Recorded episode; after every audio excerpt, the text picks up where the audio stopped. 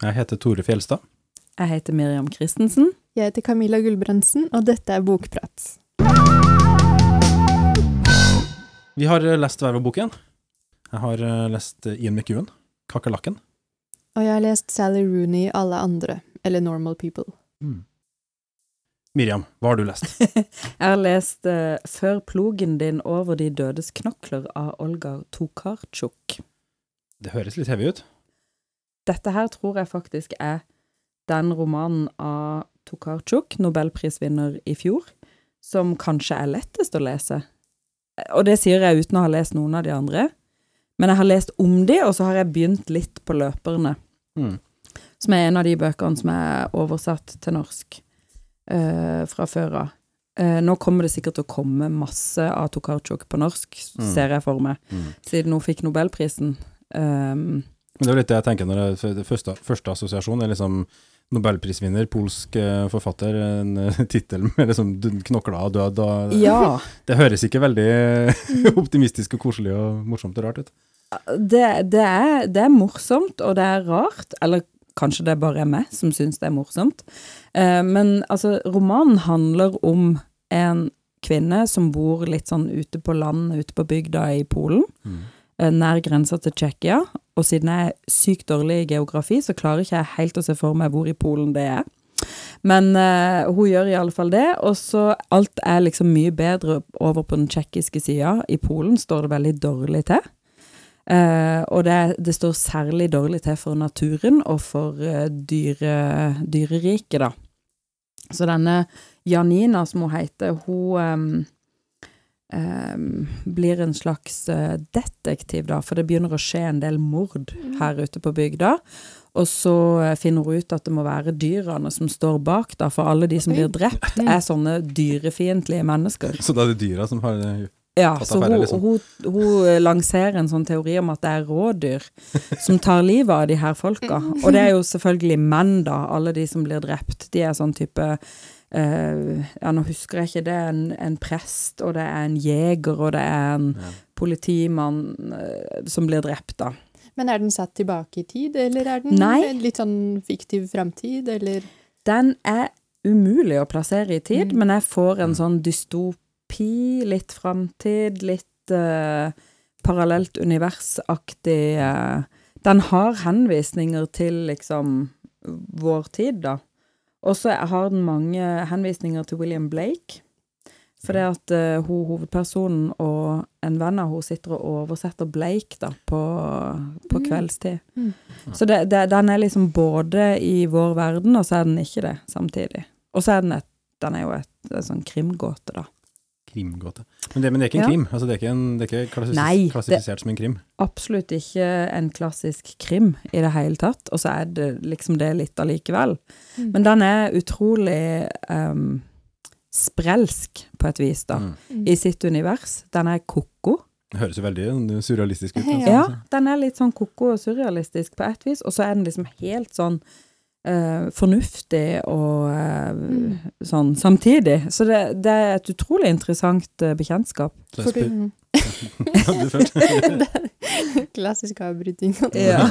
Men ja, for du tror liksom på det universet. Det er ikke sånn at man tenker at her er det en, em, en eh, ikke-pålitelig førsteperson som forteller, og som på en måte er Det er jo- Kokos. Absolutt ikke en pålitelig person som forteller i Mm. denne romanen, men universet er liksom helt sånn gjennom eh, Altså, det er, det er helt sånn gjennomført et univers du Mm. tror på allikevel, men det er, det er en sånn Ikke fantasy, men sånn fantastisk fortelling, samtidig som den er realistisk. Og det, det er en sånn utrolig rar blanding, Mm. som jeg blir helt sånn forundra over at hun får til, da. Veldig fininnstilt eh, språk og Mm. eh, personskildringer og naturskildringer og miljøskildringer, da. Mm. Den er, den er eh, Altså, nå har jo jeg noen eh, kontakter dypt inn i det polsk-norske miljøet. Nei da. så, så det var noen som sa til meg i en sånn eh, bisetning at ja, men den romanen der, den er bare sånn en sånn biroman i forfatterskapet til Tokarczuk, da. Mm, ja. Og det kan jo hende, men jeg tenker at den er et morsomt eh, første bekjentskap med henne, da. Mm. Mm. Mm. for um, eh, den personen dypt inne i det polske miljøet, Ja. sa ikke hun at det var de Jacobsbøkene som var liksom hovedverket? Jo, Mm. det har jeg da lest meg til, for den er jo ennå ikke kommet på norsk. Men Tokarczuk har skrevet en um, eh, nesten 1000 siders lang roman om en sånn jødisk eh, slags sånn sektlederaktig Ja. Mm. Hvor hun, hun er jo en em, dypt samfunnskritisk forfatter. Så det virker for meg som at hun tar mye tak i historiske eh, sider ved Polens historie, da, og, på en måte kanskje løfte fram litt eh, alternative måter å se Mm. verden og historien på. Nå er det jo sånn at det polske samfunnet akkurat i dag er i sterk endring, og med masse eh, Hva skal vi si Altså, det skjer ting i Polen som minner oss om historiske mm. hendelser vi ikke har lyst til å bli minnet om i dag. sant. Og der, der tror jeg hun er en Eller jeg har i alle fall hørt at hun er Jeg kan jo ikke polsk, så jeg vet ikke hva hun gjør, men hun, at hun er aktivistisk på et eller annet vis, da. Mm. Og det kan man kanskje være gjennom å, å um, publisere litteratur som går helt sånn imot Mm. mainstream um, fortellinga, da, og den, pols, uh, den politiske uh, versjonen av hva Polen er i dag. Ja. Ja. Mm. Jeg tenker på um, han poeten som vi hadde om på kla eh, forrige klassikerklubb. Hva het han igjen? Rosevic. Ja, stemmer det. Mm. Uh, og det ble jo sagt om han at han var liksom Polens samvittighet, eller nasjonale samvittighet. Hvordan føler du at hun, Olga, er, stiller seg i forhold til han? Ja, altså, her vet jeg ikke nok om hva hun gjør utenom litteraturen sin. Mm. Men, men de bøkene jeg har lest, øh, altså denne boka jeg har lest, og de jeg har lest om, 'Løperne' og den Jacobsbøkene, det virker ikke som de De diskuterer jo ikke direkte, Nei. på en måte, samtidsforhold i Polen i dag, men men i denne her 'Før plogen din over de dødes knokler', så er det jo et sånn veldig tydelig feministisk prosjekt, da, for det, den kvinnen som på en måte skjønner alt og ser alt, hun bringer jo liksom øh, Det bringes jo død over alle disse her patriarkalske Mm. sånn eh, figurene, sant, lensmannen, presten, Mm. eh, jegeren, altså det er sånne, Mm. nesten som sånn, ja, sånne samfunnsstøtter da, Ja. de er på en måte på feil side da, i dette universet. For de driver og slakter dyr og spiser dyr og går i pels og sånne type Mm. ting. Og det er jo ikke bra. I, Jeg, jeg ble litt minnet minnet om den um, tjenerinnens beretning, bare sånn når du sier det med det der feministiske opprøret. Margaret og Atwood. Ja, Ja. men, um, men Atwood er kanskje litt mer eh, altså, dyster enn det Olga er, eller? Mm.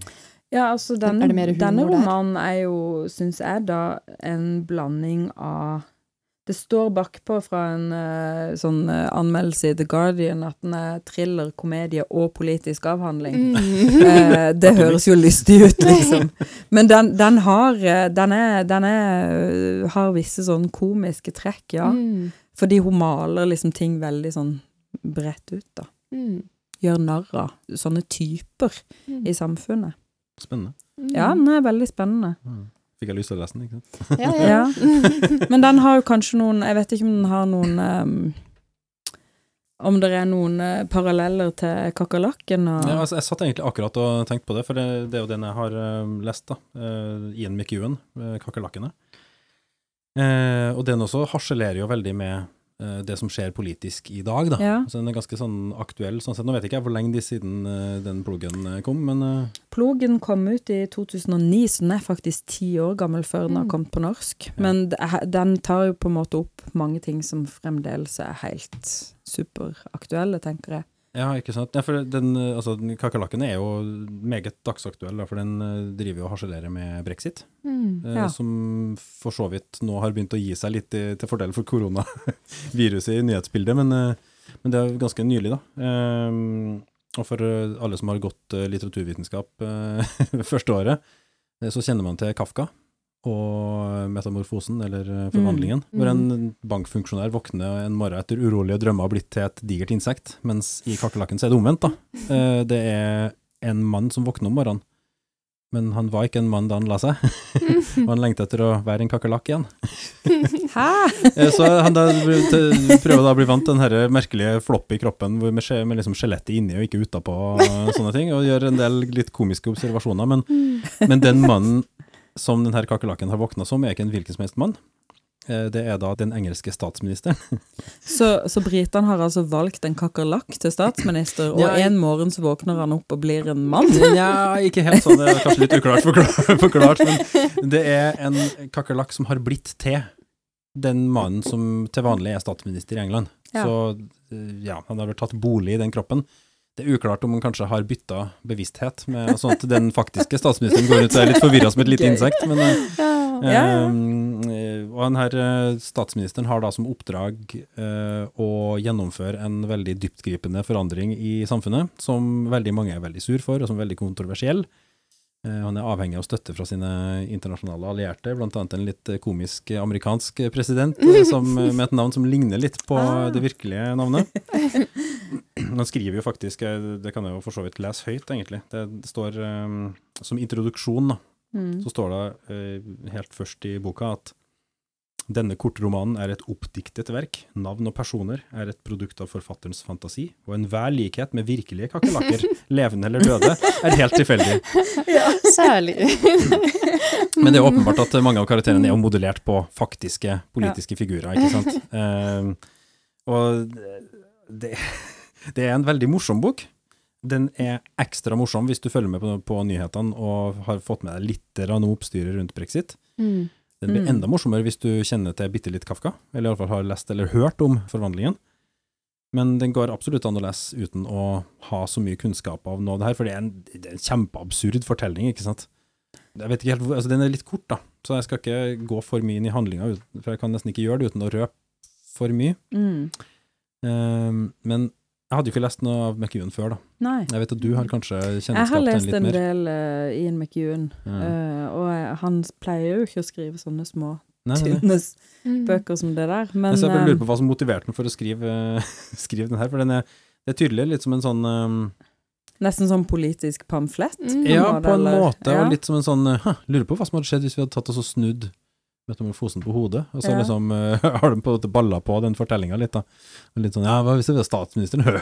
Ikke sant? Det, så det, det slår meg som et litt sånn ty, nesten litt tynt konsept for en bok. Mm, Ja. Men han, skriver, si. men han skriver veldig godt, så det, det er fullt mulig å komme seg gjennom den uten å miste noe ære på veien. Mm. Jeg tenker Ian McEwan er jo liksom en av Storbritannias eller Englands eh, fremste forfattere, og Ja. liksom alle leser når han kommer med noe nytt, så det er jo Han er jo nettopp i en sånn posisjon hvor man kan gjøre noe sånt, da. Mm. Skrive en sånn type politisk eh, sak. Men det er veldig annerledes da fra eksempel sånn om forlatelse og sånn historiske, romantiske greier. Ja, for Ja. Du kan ikke si at det er noe sånn det, det, det er ikke en veldig seriøs bok Nei. hvis du bare leser den sånn overfladisk, men det er klart det ligger jo en ganske mye kritikk da, Mm. av uh, politiske systemet i England, og det som har blitt gjort. Men hva heter den andre han kom ut uh, med nå?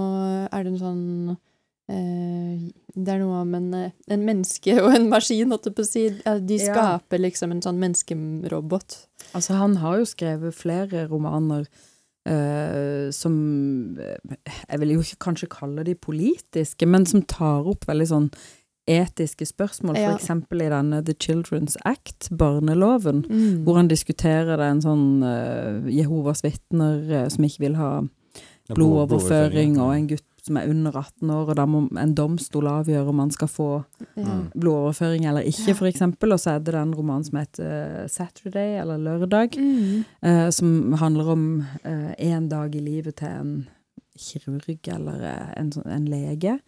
Eh, og, og da skjer det sånn terror og Altså, han, Ja. han tar heil Han åpner liksom alltid opp for uh, sånn det politiske bildet, samtids uh, samfunn eh, eh, Ja, Mm. syns ja. jeg, da. Mm. Ja, det er kanskje bare jeg som på en måte har lest den ene som skiller seg litt Ja. ut. Den om forlatelse, den er egentlig litt sånn Ja, det er den som skiller seg ut i forfatterskapet. Ja, og så har du Du har jo også denne her ved Chesil Beach, Ja, som sant. også er filmatisert, og som er fra 50-tallet, vel. Ja. Eller Mm. brytningstida til liksom litt mer sånn frigjorte 60-tallet. Mm. Ja. Så han, han skriver jo absolutt både eh, Han kan være både alvorlig og morsom, liksom. Det er litt eh, Mm. spennende. Men så er han jo veldig god på de der, eh, altså det fortellertekniske eh, Det er det jeg husker fra de mm, romanene og historiene jeg har lest av han, i hvert fall. At det er en sånn eh, Altså, du vet ikke helt hva som er sant, og hva du skal tro på, og så Mm. blir det en veldig spennende fortelling ut av det, da. Men Ian McEwan er jo en forfatter som liker å eh, behandle og diskutere Mm. eh, etiske spørsmål, kan vi vel si. Mm. Og sånn sett så er jo brexit kanskje også Ja. et sånn type spørsmål på et nasjonal, overnasjonalt plan, liksom. Mm. For det, hva slags rolle har man som nasjon, da, i Mm. forhold til de andre? Brexit er jo en sånn ekstremt dyptgripende politisk Mm. eh, avgjørelse å ta. Det er jo det. Så Som er det var sånn- nesten komisk å følge på nyhetene altså, med eh, Theresa May, som egentlig som fikk ansvaret for å gjennomføre brexit, men egentlig ikke Det var jo ikke hennes valg, på en måte. Hun bare arva en avgjørelse som Ja. hun hadde tatt før henne. Og d- d- stakkars dame, altså.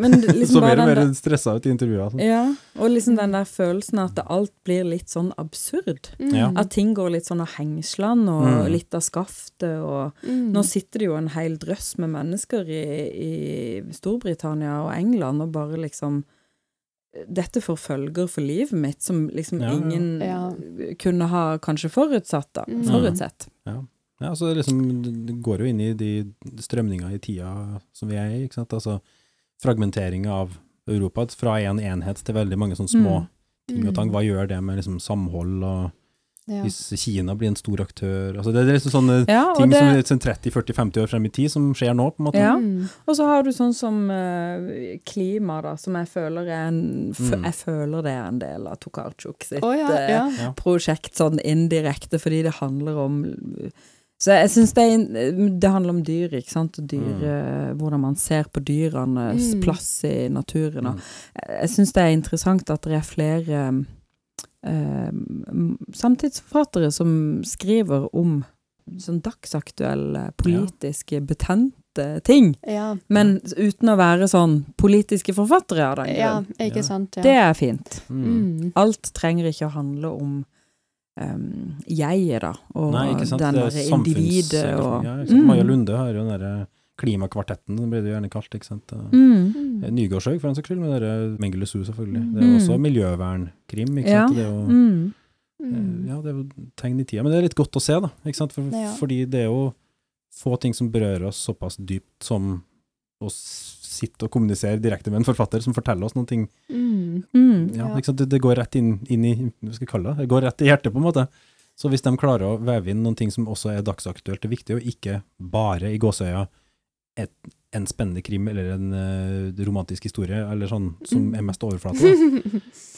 Ja. det var noen som føltes truffet, det var ikke meninga. Nå, nå har kanskje Camilla akkurat. Ja. Apropos eh, Camilla har kanskje akkurat lest en sånn eh, roman, da. jo, men, men, men det er interessant å få, å få liksom eh, dagsaktuelle tema uten at det trenger å være en fagartikkel, eller noen ting Eller en kronikk i avisen, mm. som jo Man blir, ut, man blir utrolig trøtt Mm. av en del sånne temaer som stadig er i nyhetsbildet. Så blir, får man sånn fatigue, ikke sant. Ja. Man Ja. slutter å bry seg, man slutter å interessere seg, man slutter å lese ting. Mm. Men det blir jo levendegjort på en helt annen måte med en roman. Ja. Altså, ja og aktualisert på en måte. Mm. Mm. Men, eh, men du har bare lest om sånn der jeg jeg og Kjærlighet individ og og- kjærlighet og, og sånn. da. Jeg gjør jo alltid det. Ja. Men uh, Sally Rooney med boka um, 'Alle andre', den heter 'Normal People' på engelsk. Um, det er en kjærlighetshistorie. Eh, Vi snakket vel om det senest i stad, at den at den på en måte har blitt karakterisert for å være litt som Jane Austen for vår tid, da. Mm. Eh, men den er ikke helt løsrevet fra dette her samfunnet eller folkene som lever nå. For, eh, for den er på en måte mm, Ja, den er veldig aktuell i det at den klarer å oppdatere kjærlighetshistorien, eh, på en måte, eller det derre tradisjonelle kjærlighetsplottet. Så okay. selv, om, selv om den på en måte kan høres veldig sånn klisjéaktig ut i, mm, i handlingen sin, da, så klarer hun Rooney å og eh, gjøre det på en veldig sånn millennial måte. Ok. ja. What's the millennial way? ja. Eh, nei, det er sånn at det ikke er noe happy ending. Ja. Det er ingen prins som kommer ridende inn og redder prinsessen. Eh, og så er det egentlig ingen tragisk ending heller. Eller Nei. eh, slutt. Tragisk ending. Det bare ending. fisler ut i ingenting, som alt annet i livet, liksom. Ja. Oh. Ja. shit. Det er ingen Mr. Darcy eller sånn eh, Nei, og ingen, sånn, ingen som kaster seg foran tog og åh. Nei, det er slutt på det. Det Ja. Den tida er over, liksom. Ja. Ja. ja, den tiden er over, og jeg innbiller meg på en måte at det er derfor boka heter eh, Normal People, Ja. da, fordi dette er en kjærlighetshistorie sånn som den ville utspilt seg blant helt vanlige, normale folk, der det ikke skjer noe sånn spesielt liksom Mm. livsomveltende. Eh, kjærligheten bare kommer liksom inn i livet, og så og så går det litt ned og litt opp, og så går det litt bort, og så, og så kommer det kanskje tilbake, og så, så fisler det ut inn i ingenting. Det er sånn det er nå. Ja, boka, er det. Altså, det vil jo egentlig si at eh, forventningene til hva kjærligheten skal være i vår tid, har jo forandra seg helt sånn Ja. totalt, da, fra Jane Austen eller Tolstoy. Ja, det er jo eller- nettopp det. Ja. Så det er jo altså Der hvor Jane Austen-bøkene, sånn som vi snakket om i stad, der er hele plotten er liksom bygget opp eh, rundt at liksom, nå skal man få seg en mann, og så er alt reddet. Eh, sånn er det ikke her. Hovedpersonen Marianne, hun forventer på en måte ikke at den mannlige hovedpersonen Connell skal komme og sweep her away, eller noe sånt noe. Eh, faktisk så er de veldig skeptisk til eh, konseptet kjærlighet som sådan. Ok, ja. ja. Så lenge begge er det, så er det kanskje bedre. ja, eller enige, alle ja. millennials er det. Og jeg er visst hun selv en millennial, står det på internett. holdt på å si. For det, det er alle som er født liksom seint 80-tall og utover 90-tallet. Okay. Så ja. Så alle som er født seint på 80-tallet, utover på 90-tallet, de har gitt opp kjærligheten. Ja, på en måte. Eh, eller i hvert fall så Greit ja. å vite. Altså, nå hørtes det ikke så ille ut å være 40 og være i ironigenerasjonen. Det hørtes helt ok ut. Ja, ja. Men de, altså det skjønner jeg faktisk ikke helt, for det virker jo som Altså, den første eh, romanen til Sally Rooney, den um, 'Samtaler med venner', den er jo veldig ironisk, holdt jeg på å si, og den, eller Ja. en stor ironisk distanse mellom livene til hovedpersonene og hovedpersonene. Altså, de har en sånn derre eh, Setter seg tilbake og reflekterer over alt som skjer dem, og er litt sånn Ja Lar seg ikke rive med, liksom. Mhm. Um, og så et eller annet sted mot slutten så er det en av dem som sier sånn um, Man kan ikke alltid være distansert til alt. Noen ganger så må man bare bli forelska også, liksom. Uh, ja. Revolusjonerende. Ja. ja. Men, men så det er jo en masse ironi, og jeg syns nesten den første boka, um, 'Samtaler med venner', virker litt sånn kynisk, på en måte. Um, I hvert fall i hvordan den behandler kjærlighet og følelser og ja. Mens den um, alle andre, da, den bok nummer to, den er mer ektefølt og mer sånn Sånn at jeg begynner å gråte av den. Ja. ja. Så den er liksom romantisk allikevel, på et vis, det. da? Ja, den er det. Og jeg syns, jo den var kjempefin. Det er en Ja. av mine favorittbøker, men, men det er bare Ting går liksom ikke akkurat sånn som man forventer, da. Mm. Det, er mer, det handler mer om hvordan de hovedpersonene, Marianne og Connell, hvordan de utvikler seg. Både liksom i det forholdet når de er sammen, øh, de er liksom av og på sammen over mange år, Eh, og hvordan de utvikler seg i møte med andre, både på godt og vondt. da, Og ja, også liksom Tiden går, tiden går, og ingenting består. Ja. Herregud. ja. Tiden går, og ingenting består. ja. Til og med ikke EU, liksom. Eller, eller naturen, eller noe som helst. Alt går i oppløsning. det kan vi faktisk kanskje si om alt, da. Altså, så Mm. da. Hvis man skulle sagt noe sånn generelt da om tre utrolig forskjellige romaner, så er det jo da at ingenting er liksom lenger sikkert da, i vår Mm. tid. Du kan verken stole på at kjærlighetslivet sånn på det personlige, individuelle plan, så kan det også gå helt fløyten. Mm. Det går fløyten med naturen, og eh, liksom storpolitikken og verden og Ja. alt. Mm. Eh, det er jo eh, Men moralen i den, altså bøkene til Ja. Sally Rooney da, er jo at man ikke Man trenger liksom ikke å belage seg på den der gammeldagse modellen for Nei. kjærlighet. Det er ikke enten det eller å kaste det på skraphaugen, liksom. Nei. Man kan finne en sånn liksom mellomvei, på en måte, da. Man må rett og slett forholde seg Altså, man må lage nye fortellinger, da. Ja, det er jo det. Til vår tid. For det, Mm. alt det er jo det har hun gjør, forandra på en måte. Mm. Så Er det et sånn slags eh, Sally Rooney-prosjekt, da? Er det derfor hun blir så stor og lest og populær? det. Ja, Hun lager liksom en helt ny fortelling? Ja, jeg tror det. Eller i hvert fall så de bloggene jeg leste, da, de, em, sier de blogg, bloggerne De sier at um, millennials-personene Hvordan hva, hva kaller man det på norsk? The Millennialene Eh, ja. altså de, de folkene der, da, meg selv, at de, Ja. at de relaterer veldig godt til mm, hvordan hun skriver om kjærlighet og relasjoner, da. Mm. Eh, og så har det jo også blitt Altså, hun har jo blitt ganske sånn hypet, da. Så nå er det Mm. sånn superkult å lese henne. Men Ja. på den riktige måten kult. Det er liksom Hvis du leser Sally Rooney, så er du både morsom og smart, og så er du så kul at du skjønner at du må være skeptisk til konseptene morsom og smart. Sto det på internett. Ah. Jeg skjønner ikke hva det betyr, men, men det er i hvert fall Det er liksom å ha den akkurat riktige vesken. Det er Sally Rooney. Okay. Sally Rooney er den riktige veska. Mm. Ja.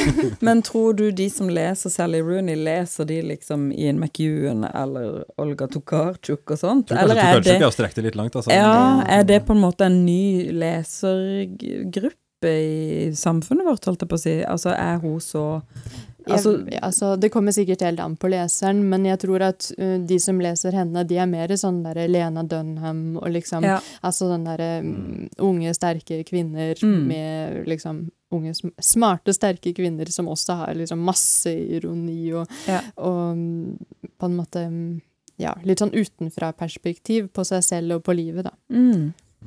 Så jeg tror de leser mye annet. Mm. Mm. Skal vi ta og sette strek der, kanskje?